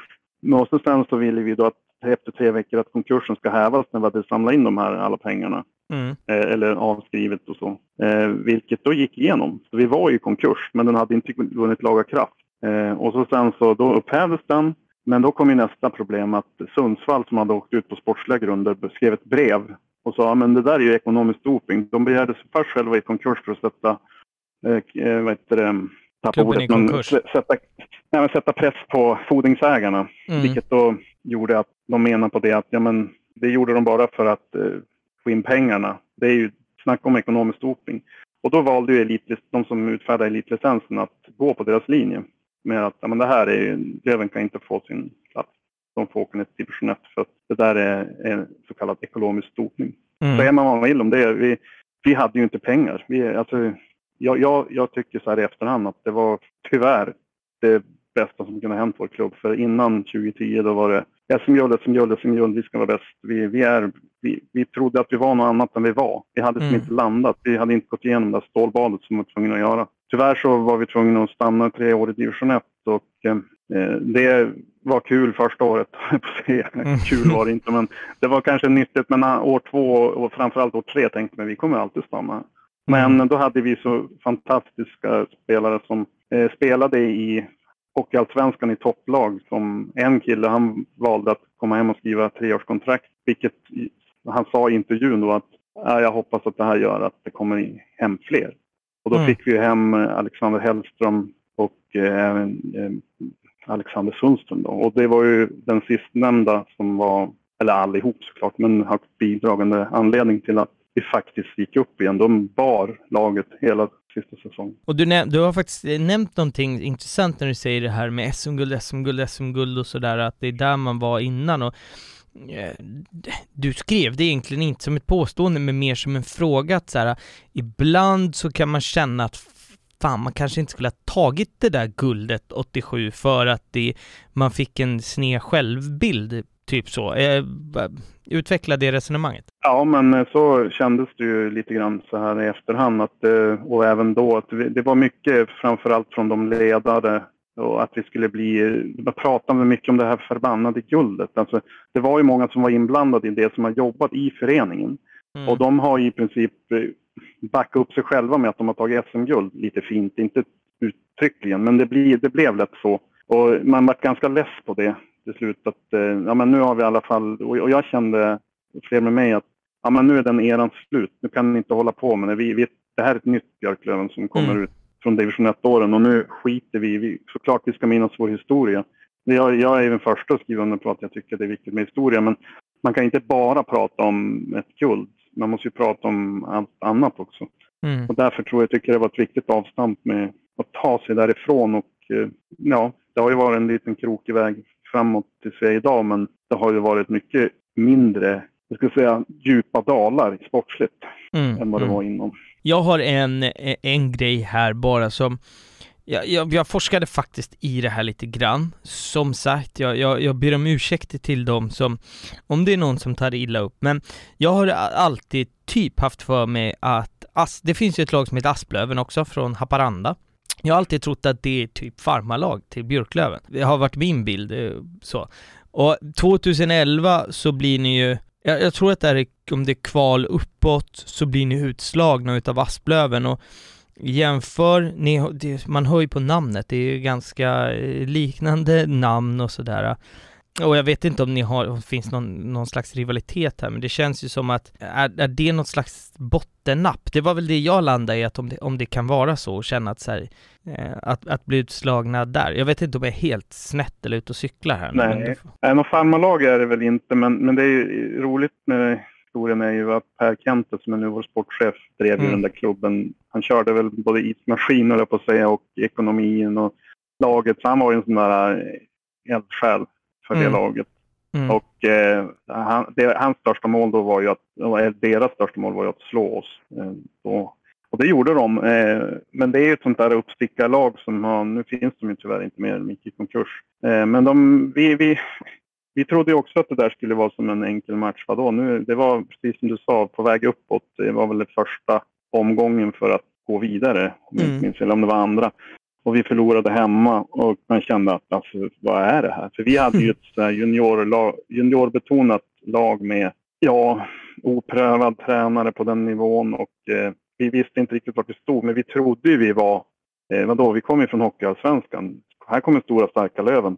Men Mm. problemet är ju då, eller utmaningen är ju att alla vill ju slå det stora laget ännu Ja, mer. Än, Precis, precis. och då åkte vi faktiskt mot dem och de är ju från, som du sa, från Haparanda och anledningen till namnet där det är väl att Haparanda betyder askstrand. Så de tog väl det namnet utifrån det, att det var aspar Mm. och för det är ett asplöv som de har som Mm. logo. Ja, som sagt, jag, jag har alltid bara haft för mig det här, Det är jävligt, kanske bara generaliserande av okunskap, men så forskade jag lite Ja. när jag hittade den här matchen. Så, för då tänkte jag så här, fan åkte de typ sitt farmarlag? Men så var ju inte det sanningen.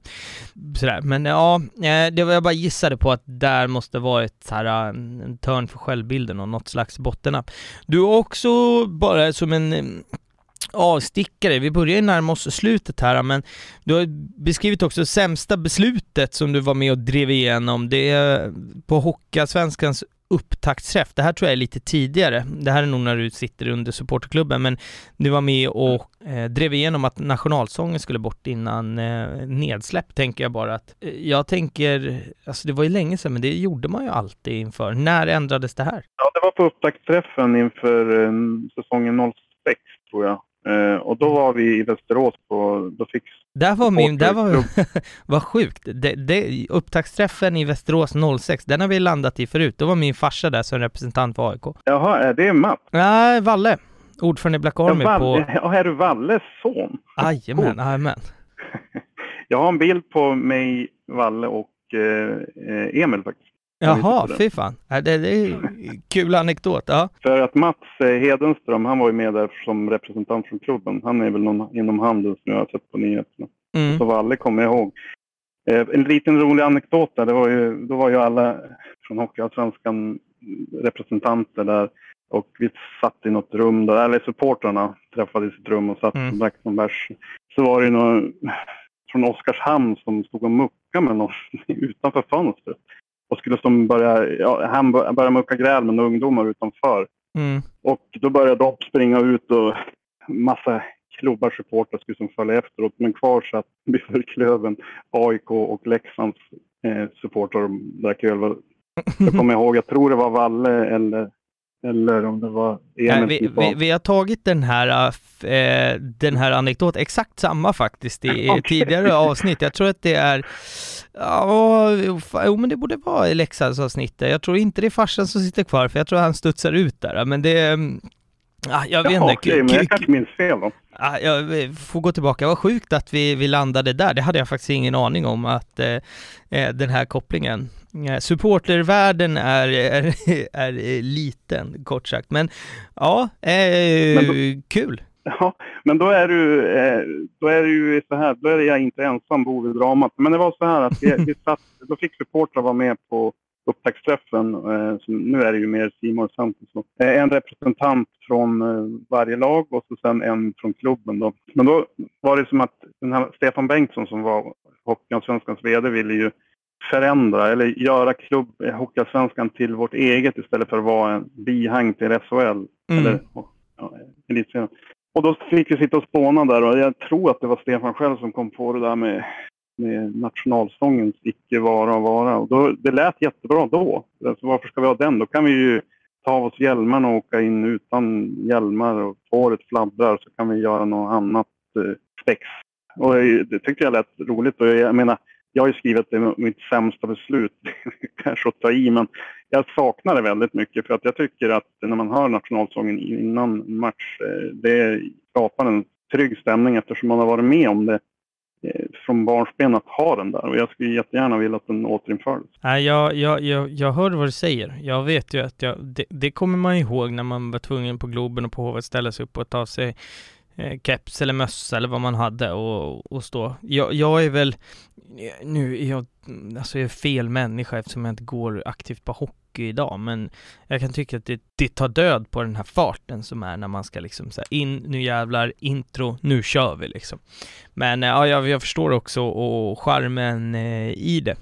Vi, vi ska ta ett litet hopp här. Eh. Vi har varit inne och nämnt och nuddat vid det. 2020, jävligt händelserikt eh, år. Eh, sportsligt går det bra, men eh, vi, vi, landar ju i, i, i, två saker som återigen, som vi nämnde tidigt i avsnittet, att hejar man på Björklöven, då är det fan med massa skit utifrån som man inte, inte har med hockeyn att göra och det är där man ofta landar. Först och främst så, när pandemin slår till, vart, alltså hur ser läget ut sportsligt för Björklöven då? Det gäller att tänka här, nej men så här, man hör ju om pandemin eh, vid årsskiftet där och den kommer ju närmare och närmare som alla kommer ihåg. Första matchen spelas hemma eh, mot Modo i finalen för vi har ju slagit svenskt eh, poängrekord i elithockey, eh, den totala poängen då.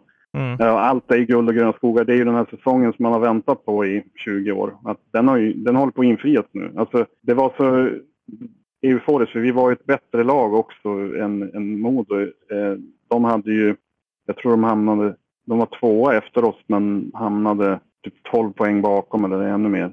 Mm. Och vi, vi satte ju ett nytt poängrekord och det kändes som det var som att nu, nu sker det här. Det här Stjärnorna det stod fan och med rätt den här säsongen. Nu äntligen var det dags igen. Typ. ja, exakt. Och jag kände att, ja men det här, eller alla kände att nu, nu, nu, nu tar vi det här. Och eh, jag kommer ihåg vi möttes upp eh, några gamla kompisar som samlades på H då innan matchen och det var så här nu kan cirkeln slutas och så vidare. Eh, det slutade ju med att eh, Modo vann första matchen i förlängning. Men eh, många tänkte att men vi, vi kommer ta det här ändå.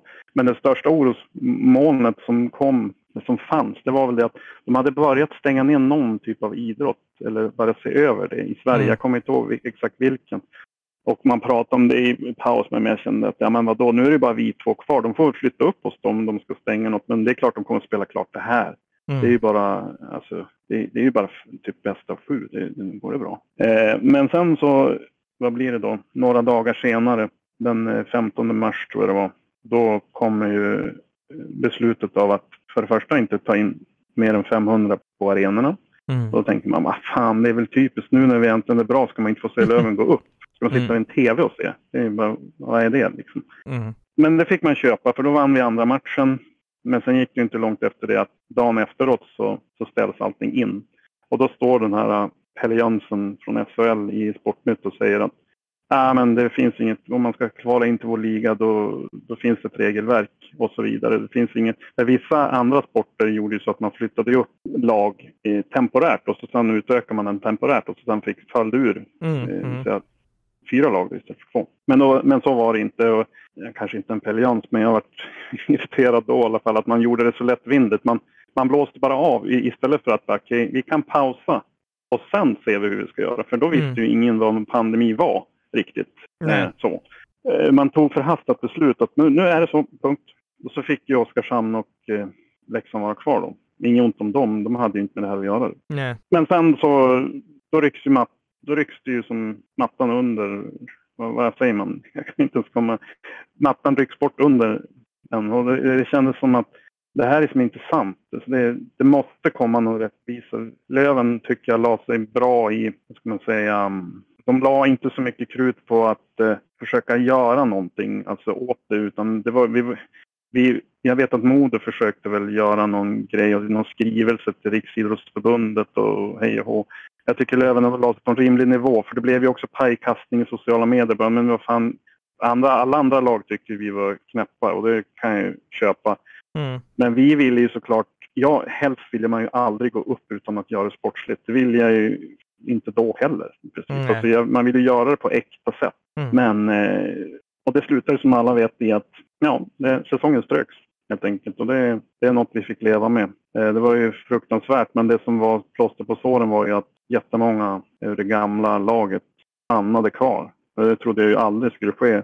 Vi, vi tappade i princip målvakten och en back som var bra till Oskarshamn. Det övriga mm. var ju kvar.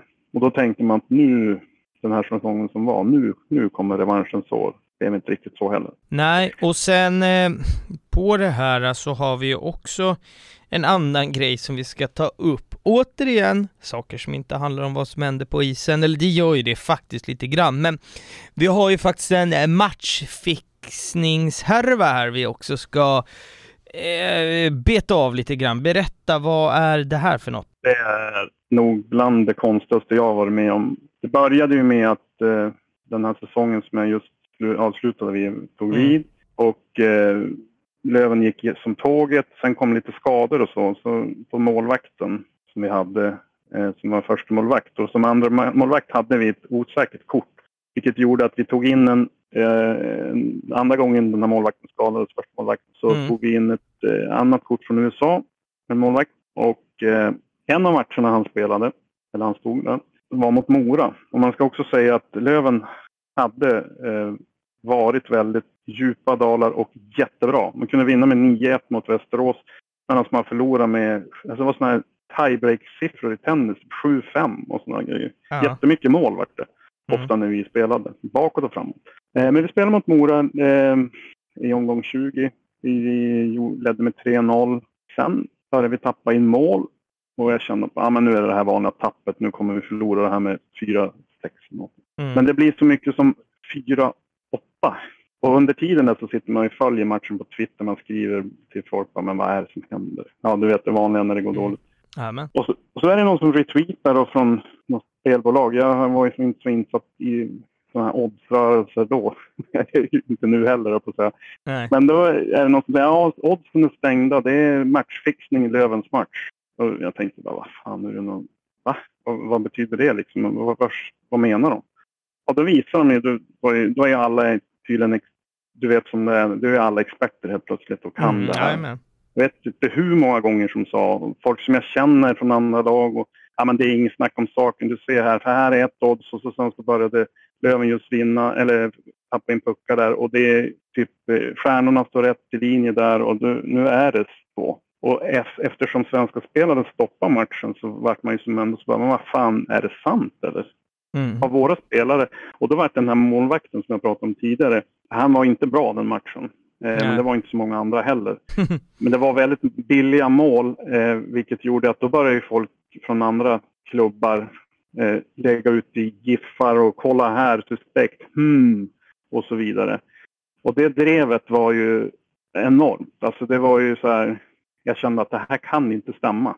alla var emot. Och eh, matchen var, blev ju utredd, en polisutredning. Eh, det var ju någon kille i Dalarnas tidning som sa att det här är någon så kallad spelexpert sa att det här är 99 procent en läggmatch. Mm. Och de orden cirkulerar ju sen på sociala medier. Det gjordes Youtube-filmer, det gjorde allt. Mm. Men sen kom man ju fram till att det var ju en annan oberoende person, bayern kille faktiskt, som visade på att ja men vänta nu, nu fungerar ju det, det fungerar ju så här att om ett oddssättningsbolag någonstans sätter fel, att de vänder på oddsen i en kort sekund, då köper tydligen alla andra bolag de här odds på något sätt. Eller inte köper, men de följer det. Ja. Eh, vilket gjorde att det råkade faktiskt vara så att det blev en perfect storm. I samband med det så, så, så råkade ju då Löven börja tappa in mål. Alltså den här odds, oddsen var, inte för att krångla till det för mycket, de var vända från början och sen upptäckte man misstaget så ändrade man tillbaka. Och då efter en period då, då började Löven tappa. Så då trodde man då att ja, men det här är uppgjort, att de ska Ah, tappa okej. vid det här tillfället. Så man kunde ändå konstatera att det var ett mänskligt misstag bakom, att det inte var någon stackars målvakt från USA som hade fått 100 000 i liksom svart. Nej, precis. Och det var ganska befriande för det var ju verkligen så att jag var lite, jobbade lite i bakgrunden med, med de som jobbar med kommunikation där i Mm. Löven och sa att eh, jag menar, han, han sa att ja, men vi kommer gå ut och dementera starkt både Svenska Hockeyförbundet, Polisen och Björklöven och Hockeyallsvenskan. Alltså, det kom ju verkligen en stark dementi både på engelska och på svenska. Men skadan var ju gjord men ja, jag tror inte, det var ganska tyst efteråt på, på, på Twitter och sociala medier. Men det, det skadade ju klubben. Alltså, det, det har ju de som var med i laget sagt sen att det är klart att inte det där gick obemärkt förbi. Alltså bli anklagade för att fuska. Eh, det är ju höjden av hemskhet. Ja, verkligen. Det, det är ett sånt, eh, sånt som man inte vill ha eh, över sig, ett sånt rykte som oavsett om det är felaktigt så, så ligger det ju där som någon så här, eh, liksom nagel och bara eh, liksom, ja men är jobbig kort sagt. Uh, nej men intressant, fan vi har haft ett grymt samtal eh, du och jag, jag är supernöjd innan jag ens har editerat det här. Mm, innan vi, vi avslutar sådär, är det någonting du känner att, eh, att du vill eh, lägga till sådär? Nej, men jag skulle säga att det var ett jätteskönt samtal vi hade. Jag gick in med det ganska förutsättningslöst och det tycker jag vi kom fram. Och det blir som sagt mycket utanför hockeyn, men eftersom det är min, min lite passion också, även plus att vara på läktaren såklart, så, så blir det lätt att vi halkar in på det. Nej men det, det har ju blivit ett annorlunda samtal, som sagt, vi, vi har vi, vi har ju pratat om mycket annat, en del skit och vi har pratat mycket ekonomi, men någonstans så är ju, vi kommer ju fan inte undan ifrån att det här är ju historien om, om Björklöven. Ehm, nästa gång man sätter sig ner och pratar Björklöven, då kanske man ska bara fokusera på Ehm, på läktarna, men någonstans så tyckte jag att det var intressant att bygga det här avsnittet i att det fan inte varit lätt att vara Björklövens supporter. Men ehm, det är en, en klassisk klubb och det är jävligt äkta och supporterkulturen lever och bubblar och, och frodas sådär. Och innan vi avsluta sådär, jag vill också knyta ihop, jag har en, eh, en person som eh, har, ehm, som har följt podden väldigt, väldigt länge, som är aktiv, som jag har haft lite kontakt med, som har extra tjatat om, om, eh, om Björklöven, så det är väldigt skönt att kunna ge det här avsnittet till dig Josef, vill jag bara slänga in som en extra, en liten shoutout sådär till en utav dem som verkligen är, är aktiv i, i, på sociala medier och, och, och sådär. Men jag avslutar ju alltid podden med eh, samma fråga även eh, idag, så att sista frågan lyder som är vanligt. Vad är supporterkultur för dig? Passion till laget. Ja, det är den, eh, att, att få vara med och bygga upp eh, en passion till det laget och som får vara med i den gemenskapen som finns. Eh, man, är- man är ju som aldrig ensam i, i den supporterkulturen som man är i utan man, man lider och gläds tillsammans. Det är väl härligt oavsett om det har varit tunga år eller om det är kul så så är det en otrolig gemenskap. Det, man har ju vänner för livet och minnen för livet framförallt. Hörni, ni som lyssnar, glöm inte bort eh, Akta Fans podcast finns på Instagram och Twitter. Vill ni eh, stötta podden lite extra så finns patreon.com slash aktafanspodcast. Podcast. Eh, där kan man förhandslyssna på avsnitten i största möjliga mån. Jag sa det även förra veckan. Jag försöker att få upp den senast på lördagar där, så man har eh, avsnittet två dagar innan och sen kan man också stötta podden lite extra och stötta mig i mitt eh, arbete och sådär.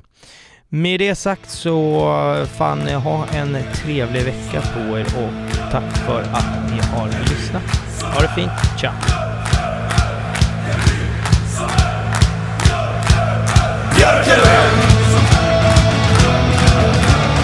Igen.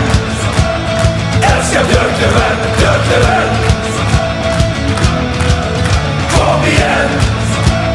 Älskar Björklöven, Björklöven. Kom igen. Älskar Björkelven I samarbete med Esen Studio.